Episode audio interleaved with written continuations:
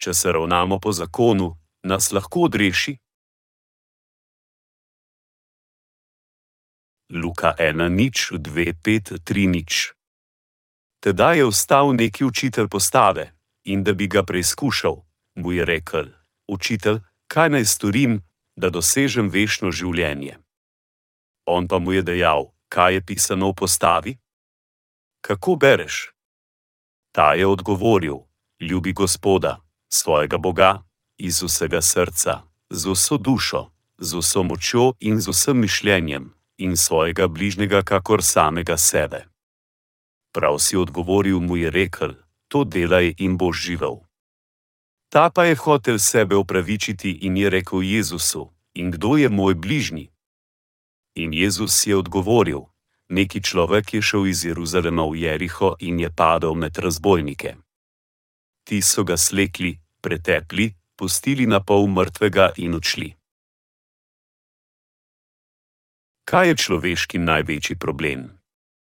Živijo z veliko napačnimi iluzijami. Luka 10,28 to delaj in boš živel. Ljudje živijo z veliko napačnimi iluzijami. Zdi se, da so zelo ranljivi v tem pogledu.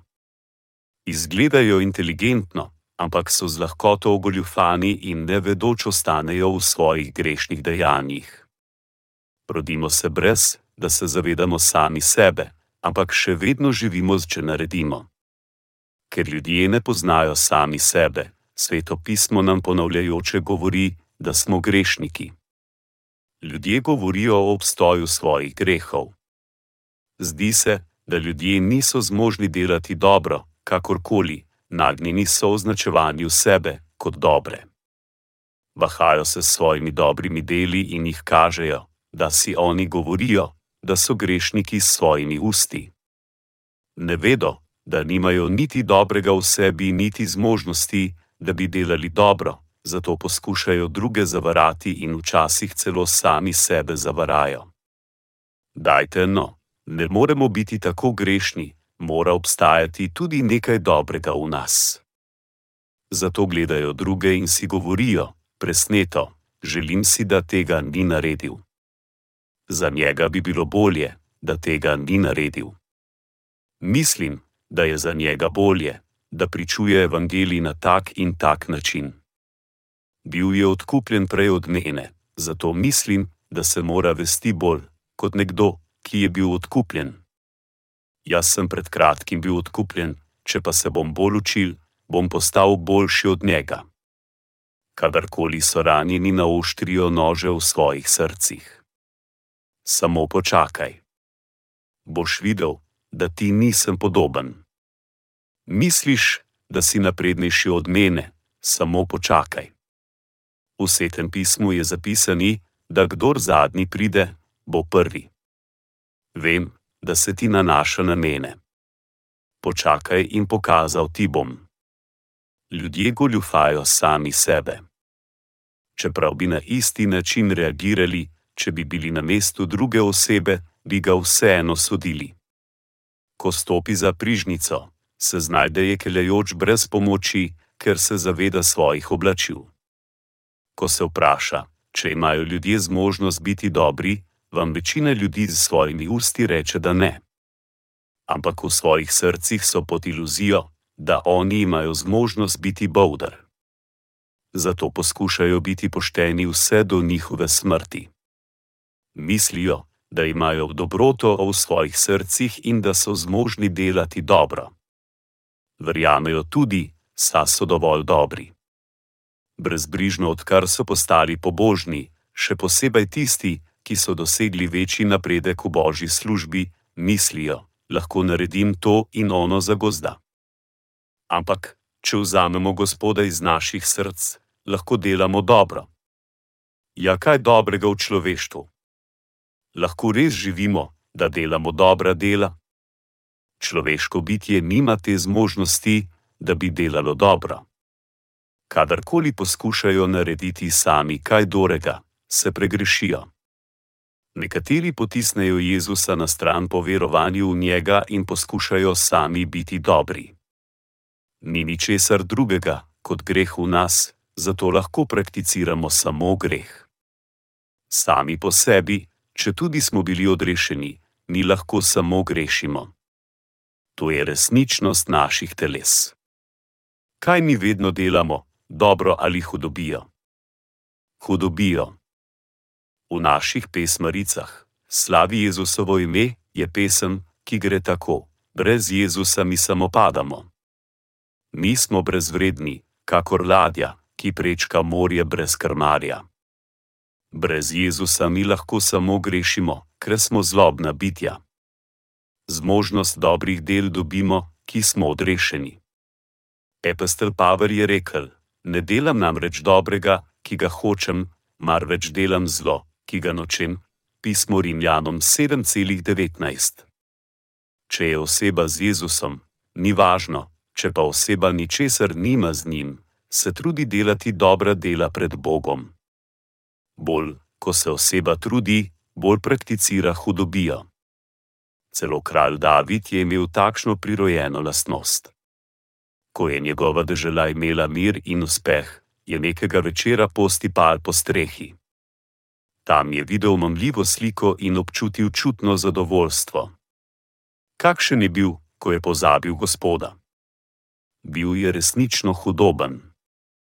Zagrešil je prešuštvo z Batešejebo in ubil Urija, njenega moža, in videl hudobije v sebi. Zato je našel izgovor.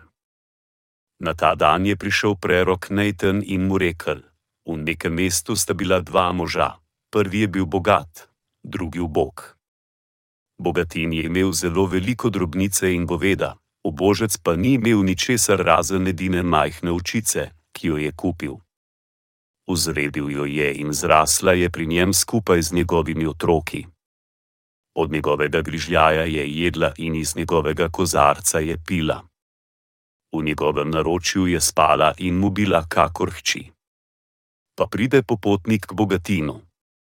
In mu je bilo žal vzeti od svoje drobnice in goveda, da bi pripravil pojedino popotniku, ki je prišel k njemu, vzel je namreč očico v božcu in jo pripravil možu, ki je prišel k njemu.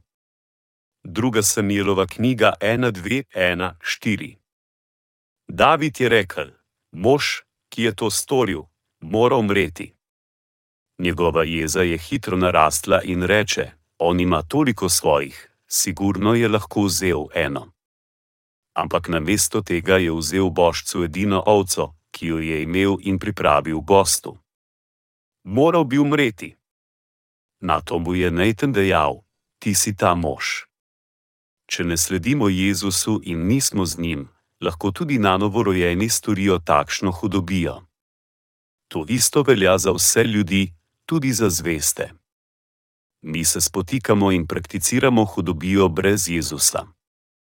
Zato smo danes ponovno hvaležni Jezusu, ker nas je odrešil nepozorne hudobije v nas.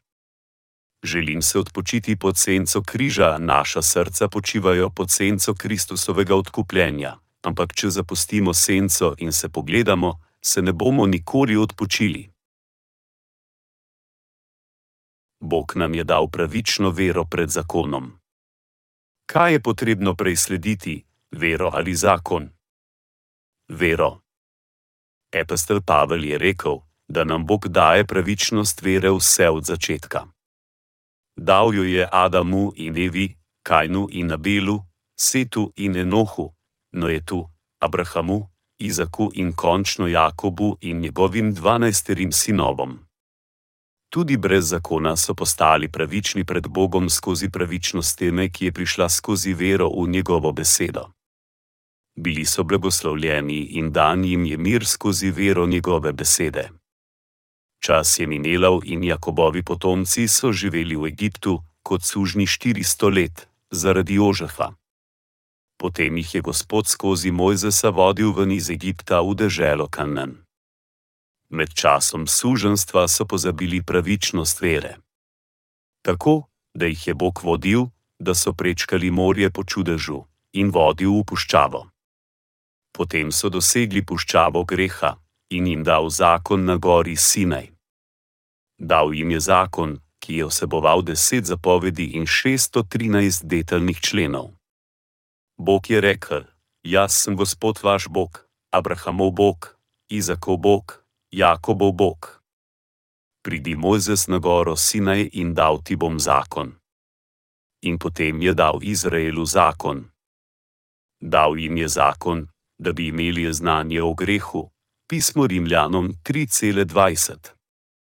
Dal jim je zakon, da bi razločili, kaj ima on rad in česar ne, in da bi razkril svojo pravičnost in svetost.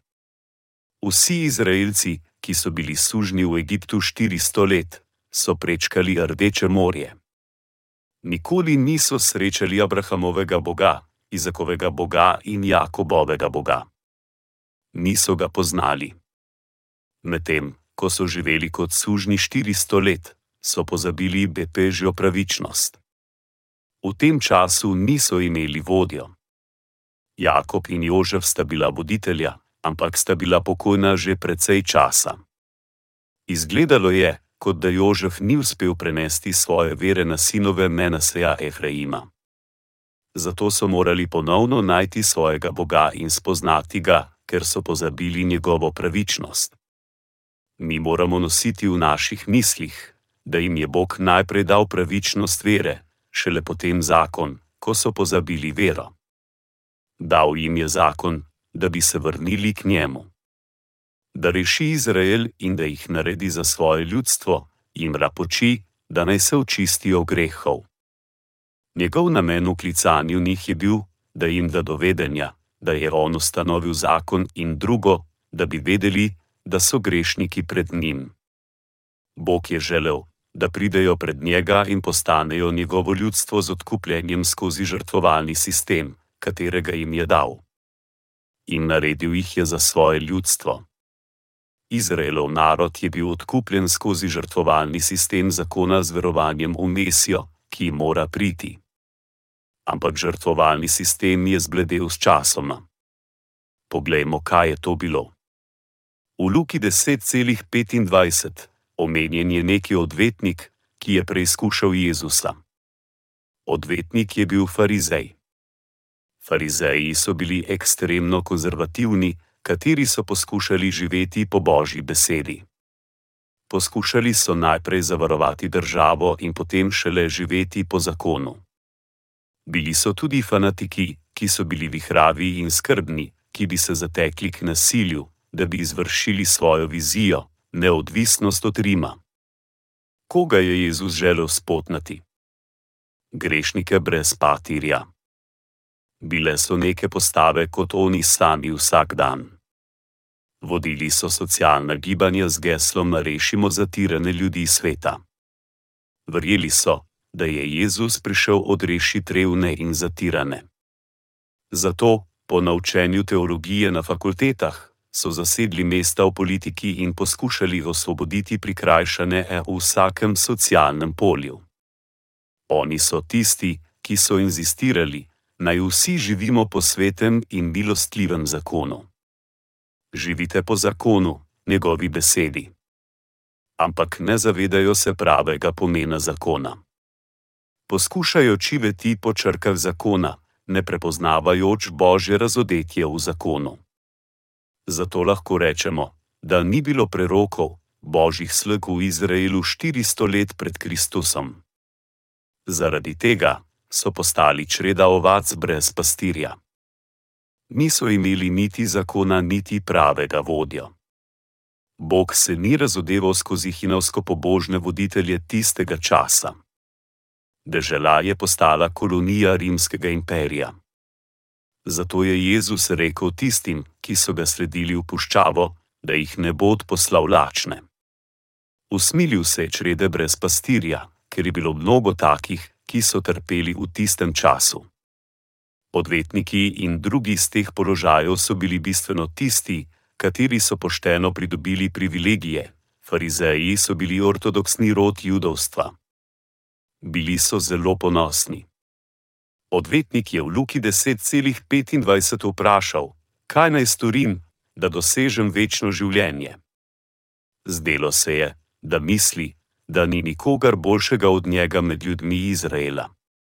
Zato ga je odvetnik, ki ni bil odrešen, izval govoreč: Kaj naj storim, da dosežem večno življenje? Ta odvetnik je odsev nas samih. Vprašal je Jezusa, kaj naj storim, da dosežem večno življenje. Jezus je odgovoril, kaj je pisano v postavi. Kako bereš? Zato je odgovoril: Ljubi Gospoda, svojega Boga, iz vsega srca, z vso dušo, z vso močjo in z vsem mišljenjem, in svojega bližnjega, kakor samega sebe. In on mu je rekel: Prav si odgovoril, to delaj in boš živel. Izval je Jazusa, ne vedoč o sebi, da je hudoben, kup greha, ki nikoli ne bo dober. Zato ga je Jazus vprašal, kaj je pisano v postavi. Kako bereš? Kako bereš postavo? Mi smo grešniki, ki ne moremo izpolnevati postave. Kako bereš postavo? S tem prehodom je Jezus vprašal, kako nekdo, vključno z vami in menoj, ve in razume zakon, postavo. Tako kot ljudje delajo nove čase, je odvetnik ravno tako mislil, da mu je Bog dal zakone, da se jih drži. Zato je odgovoril: Ljubi Gospoda, svojega Boga, iz vsega srca, z vso dušo, z vso močjo in z vsem mišljenjem, in svojega bližnjega, kakor samega sebe. Zakon je bil brez napak. Dal nam je popoln zakon. Rekl nam je, naj ljubimo Gospoda z vsem svojim srcem in dušo, z vso močjo in razumom, in da ljubimo svoje bližnje, kakor samo sebe. Pravilno je, da ljubimo svojega Boga z vsem svojim srcem in močjo, ampak je ena zapoved, ki ne more biti izpolnjena. Kako bereš postavo? Pomeni, da je postava pravična in pravilna, ampak kako jo razumeš? Odvetnik je mislil, da mu je Bog dal zakon, da bi ga poslušal. Kakorkoli, božji zakon nam je bil dan, da bi se zavedli naše nezadostnosti z celotnim izpostavljanjem naše nepravičnosti. Greš si. Ubil si, ko sem ti rekel, da ne ubijaš. Zakaj me nisi poslušal? Postava izpostavlja greh ljudskih src. Predstavljajmo si, da na moji poti do sem videl zrelo melono na polju. Bog me je opozoril, po zakonu, ne vzemaj teh melen za jesti. Osramotilo me bo. Da, oče. Polje pripada gospodu temu in temu, zato jih nikoli ne bi smel vzeti. Da, oče. V trenutku, ko slišimo, da jo ne smemo nikoli vzeti, občutimo nagnjenje, da bi jo pobrali. Če se nagnete dol, nenadoma jo poberete. Takšni so človeški grehi. Bog nam je naročil, naj ne delamo hudobnih dejanj. Bog lahko to reče, ker je svet, popoln in ima zmožnost to narediti. Z druge strani, mi lahko v nikoli ne grešimo in v nikoli biti čisto dobri. Mi je nikoli in imamo dobroto v naših srcih. Zakon je sklenjen z besedami, a nikoli. Zakaj? Zato, ker imajo ljudje v srcih poželenje. Mi si ne moremo pomagati, kot da reagiramo na naše poželenje. Mi storimo prešuštvo, ker imamo prešuštvo v naših srcih. Pozorno bi morali brati sveto pismo. Ko sem prvič poskusil, sem analiziral besede do črk. Prebral sem, da je Jezus umrl na križu za mene in nisem mogel prenehati okati bil sem tako hudobna oseba in on je umrl za mene na križu. Srce me je tako močno zabolelo, da sem veroval van. Potem sem mislil, če mu že veroval, bom veroval po besedi. Ko sem prebral druga Mojzesovo knjigo 20, kjer piše: Ne imej drugih bogov poleg mene. Molil sem s kesanjem po tej zapovedi. Pobrskal sem po svojem spomu če sem kdaj imel kakšnega boga pred njim, po nemarnem klical njegovo ime, ali če sem celo pokleknil pred drugim bogom. Zavedel sem se, da sem mnogokrat padal na kolena drugim bogovom med rituali v čast prednikom. Zagrešil sem greh v imetju drugih bogov. Zato sem za obžalovanjem molil: Gospod, časti vsem idole. Moram biti sojen zaradi tega. Prosim, oprosti moje grehe. Ne bom več tega ponovil. Potem se je zdelo, da sem poskrbel za en greh. Potem sem se skušal spomniti, če sem kdaj po nemarnem klical njegovo ime. Potem sem se spomnil, da sem kadil, ko sem začel verovati v Boga. Prijatelji so mi rekli: Ali ne sramotiš Boga s tem, ko kadiš? Kako lahko kristjan kadi? To je isto kot nemarno klicanje njegovega imena, kaj ne? Zato sem še enkrat molil: Gospod, po nemarnem sem klical tvoje ime. Prosim, odpusti mi. Prenehal bom kaditi. Poskušal sem prenehati kaditi, s tem, da sem v letu dni prenehoval in spet začenjal kaditi. Bilo je zelo težko, skoraj nemogoče je bilo odnehati kaditi. Ampak končno sem na koncu prenehal kaditi. Pustil sem še en greh in končal z njim. Naslednji je bil: Drži se sobotnega dne, svetega dne. To je pomenilo, da v nedeljo ne delam ničesar, ne iti v službo ali zaslužiti denar. Zato sem tudi to prenehal. Potem je bilo tam: spoštuj svojega očeta in mater. Lahko sem jih spoštoval, ko sem bil daleč od njih, ampak bila je ena srčna bolečina, ko sem bil z njimi. O moj Bog, zgrešil sem pred teboj. Prosim te, odpusti mi, Gospod. Spokorno sem molil ampak nisem jih mogel spoštovati, ker sta bila zi pokojna. Kaj naj naredim? Gospod, prosim te, odpusti temu neurednemu grešniku. Ti si umrl na križu za mene. Kako sem bil hvaležen? Tako sem mislil, da sem se reševal greha za grehom. Bili so še zakoni, kot so ne ubijaj, ne stori prešuštva, ne bodi pohlepen do dne, dokler nisem spoznal, da se nisem pridržal niti ene same zapovedi. Molil sem cele noči, vsako noč. Ampak veste kaj, molitev spokorjenja ni kaj prijetna. Pogovorimo se malo o tem. Ko sem razmišljal o Jezusovem križanju, sem bil zmožen sočustvovati, kako boleče je moralo biti. In umrl je za nas, ki ne moremo živeti, po njegovih zakonih. Razmišljujoč vso noč sem jokal, kako me je ljubil in se zahvaljeval, da mi je dal pravo zadovoljstvo. Moje prvo leto obiskovanja cerkve je bilo kar lahko, ampak naslednjih nekaj let je postalo vse težje jokati in se kesati, ker sem moral bolj razmišljati, da bi mi pritekle solze, ker sem jokal tako pogosto. Ko mi solze niso več prihajale, sem hodil v gore moliti in postiti tri dneve. In potem so se vrnile solze. Bil sem natopljen s solzami, prišel nazaj v skupnost in jokal v cerkvi. Ljudje okoli mene so govorili: Postal si tako hinovski v svojih molitvah v gorah. Ampak molitve so sčasoma spet izginile. Postalo je zelo težko v tretjem letu. Razmišljal sem o zmotah, ki sem jih storil svojim prijateljem in članom cerkve, in spet sem jokal. Po štirih letih tega so se solze spet posušile.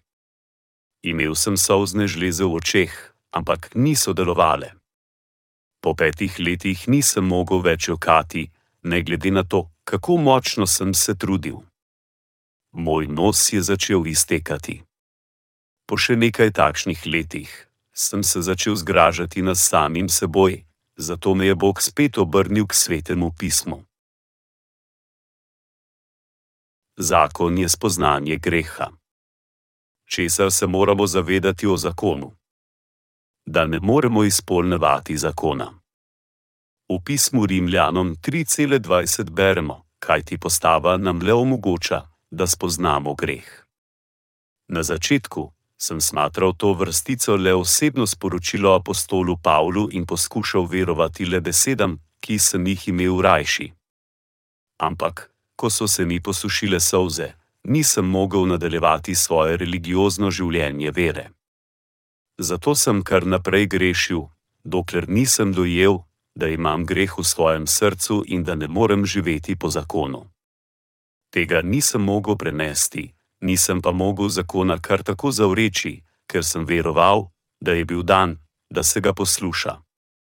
Na koncu sem sam postal odvetnik, tisti, ki je bil omenjen v svetem pismu.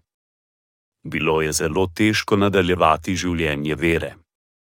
Imel sem že toliko greha, da medtem ko sem bral zakon, sem se začel zavedati teh grehov medtem, ko se grešil deset zapovedi v svojem srcu. Grešenje v srcu je tudi greh, in nevedoč sem postal vernik zakona, postave. Ko sem se držal zakona, sem bil srečen.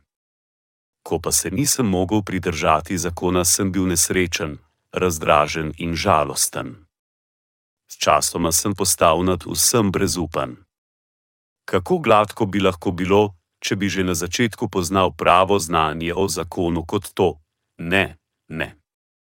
Obstaja drug pomen zakona. Kaže ti, da si kup greha, da ljubiš za denar, za nasprotni spol in stvari, katere je lepo pogledati.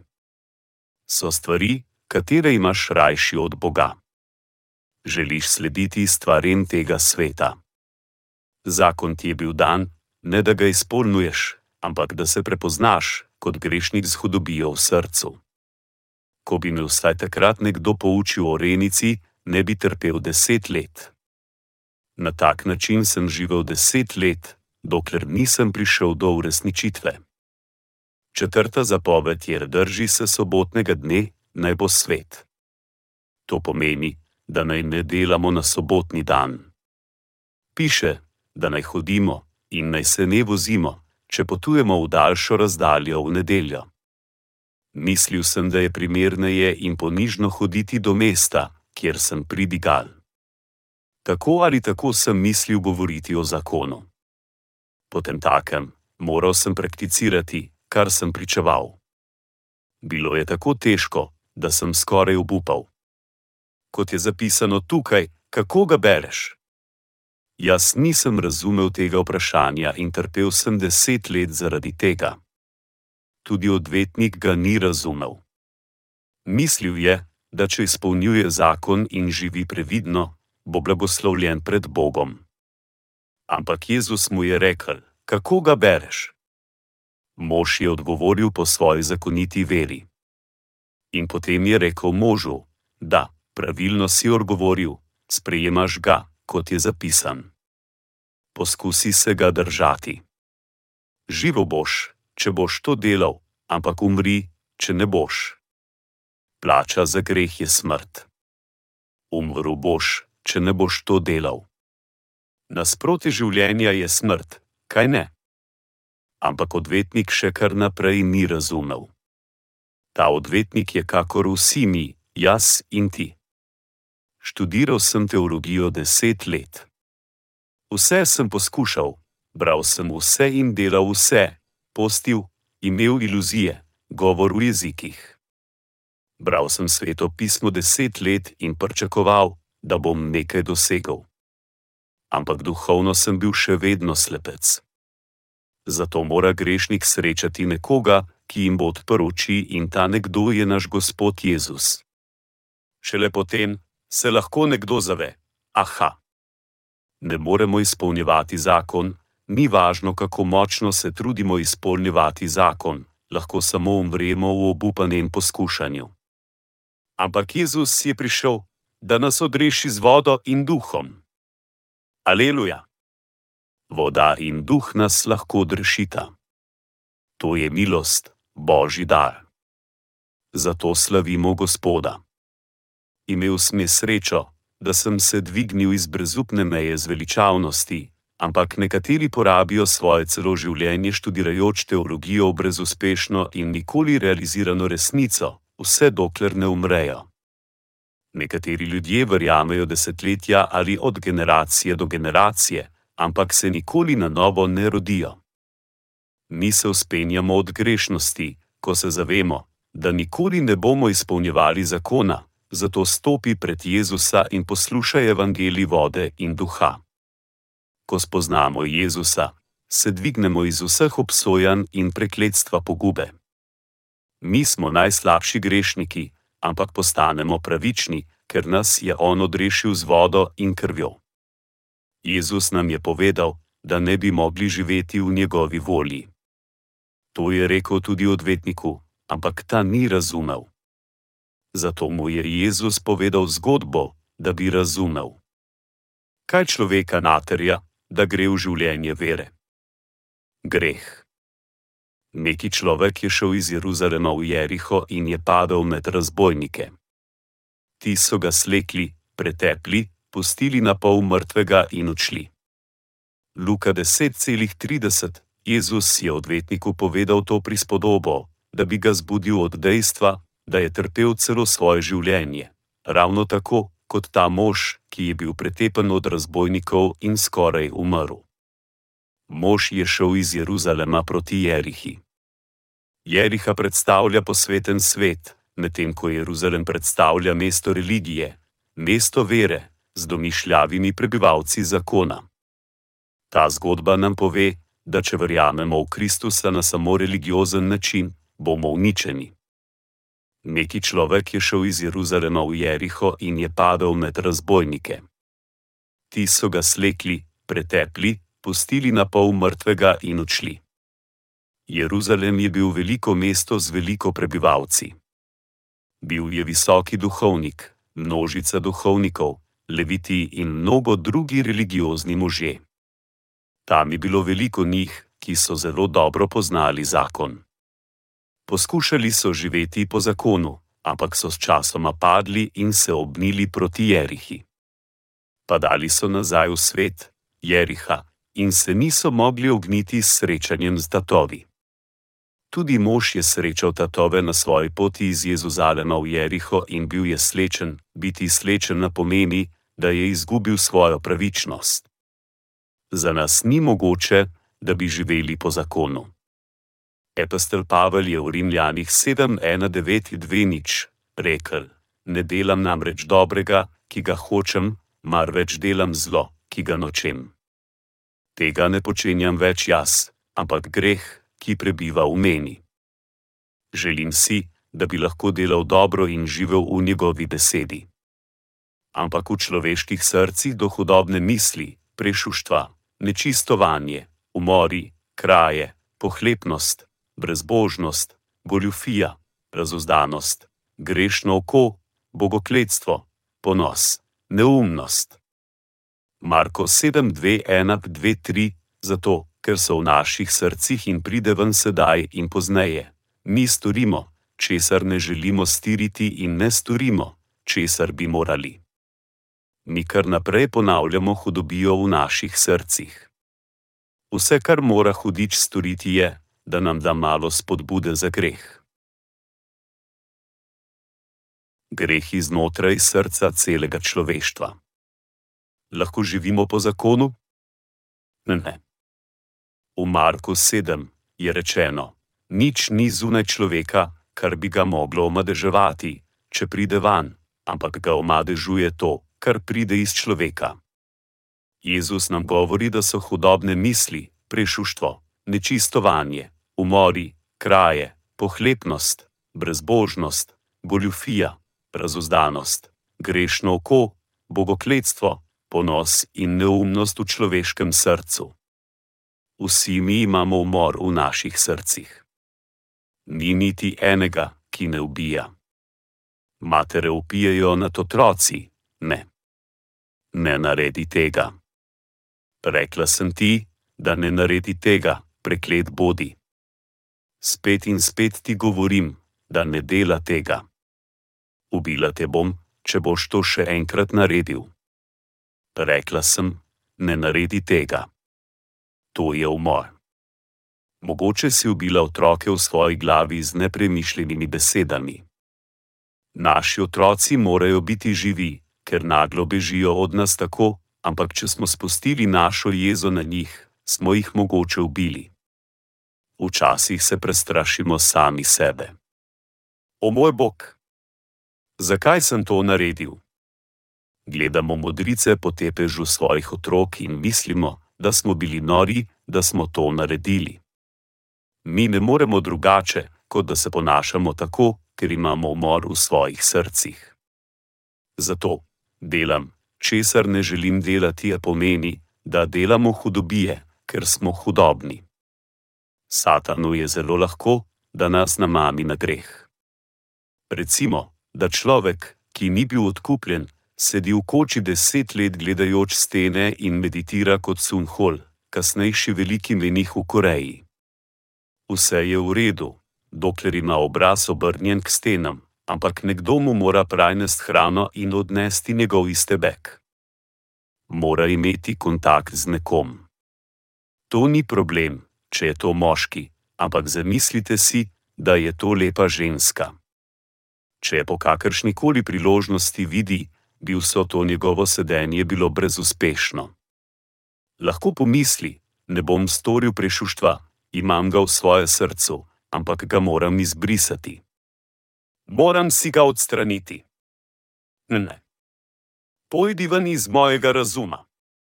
Ampak njegova odločba je izhlapela še isti moment, ko jo zagleda. Ko ženska odide, se pogleda v srce. Pet let svojih asketskih vaj se spremeni v nič, vse za nič. Satanu je zelo preprosto vzeti osebi pravičnost. Vse, kar mora Satan storiti, je, da jih malo potisne. Oseba lahko da desetino v cerkev vsako nedeljo, posti 40 dni, lahko podari 100 dni posvečenim molitvam, ampak Satan jih mami in goljufa z navidezno dobrimi stvarmi v življenju. Rad bi ti dal pomembno pozicijo v podjetju, ampak ti si kristjan in ne moreš delati ob nedeljah, kaj ne? Pa tako je dobro mesto lahko bi delal tri nedelje in eno nedeljo v mesecu, bi šel v cerkev. Potem bi užival v tako velikem ugledu in imel tako veliko plačo. Kaj misliš? Tako verjetno sto od sto ljudi bi bilo kupljeno. Če to ne deluje, ima Satan drugi trik za ljudi, ki se z lahkoto vjamejo in izgubijo v ženskah. Satan postavi žensko pred njim in on se zaljubi vanjo od glave do pete, v momentu pozabljajoč Boga. Če poskušamo živeti po zakonu, vse, kar imamo na koncu, so rene greha, bolečino in duhovno revščino, zgubimo vso pravičnost. Šel je iz Jeruzalema v Jeriho in je padel med razbojnike. Ti so ga slekli, pretepli, pustili na pol mrtvega in odšli. To pomeni, če tudi mislimo ostati v Jeruzalemu z verovanjem v voljo svetega Boga, bomo s časoma spotaknili zaradi svoje slabosti in bo s časoma uničeno. Še vedno lahko z obžalovanjem prosimo pred Bogom: Gospod, grešil sem. Prosim, odpusti mi, ne bo se več ponovilo. Obljubljam ti, da je to bilo zadnjič. Protim te in bilo prosim, da mi oprostiš samo tokrat. Vendar se nikoli ne konča. Ljudje ne morejo v tem svetu živeti brez, da bi grešili. Lahko se samo nekajkrat izognejo, ampak bi bilo nemogoče se izogniti ponovnem grešenju. Ne moremo si pomagati, kot da naprej grešimo. Gospod, oprosti mi, prosim te.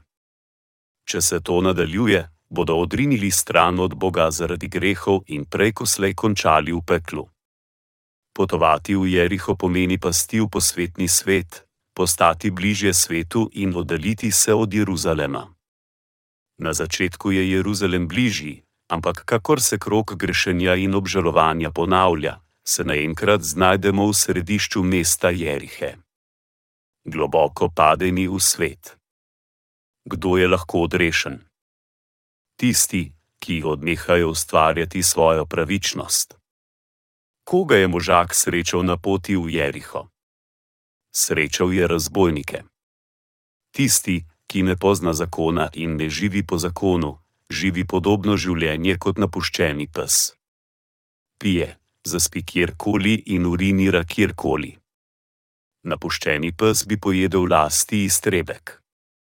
zato se takšna oseba naziva psom. Ve, da ne sme piti, pa vseeno naredi tako in naslednje jutro obžaluje in tako ponavlja proces spet in spet. To je kot s tistim možakom, ki je srečal razbojnike na poti v Jeriho.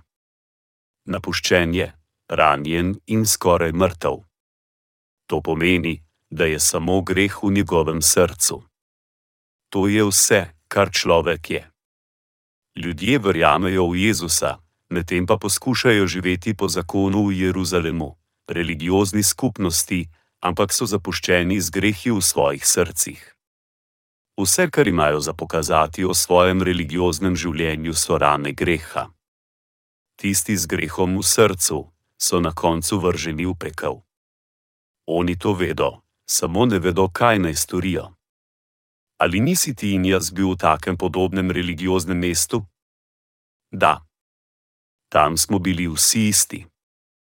Odvetnik, ki ni razumel božjega zakona, bi se boril vse v svoje življenje in končal v peklu ranjen. On je eden od nas, tebe in mene. Samo Jezus nas lahko deši obstaja tako veliko inteligentnih ljudi okoli nas in se kar naprej bahajo z tem, kar vedo.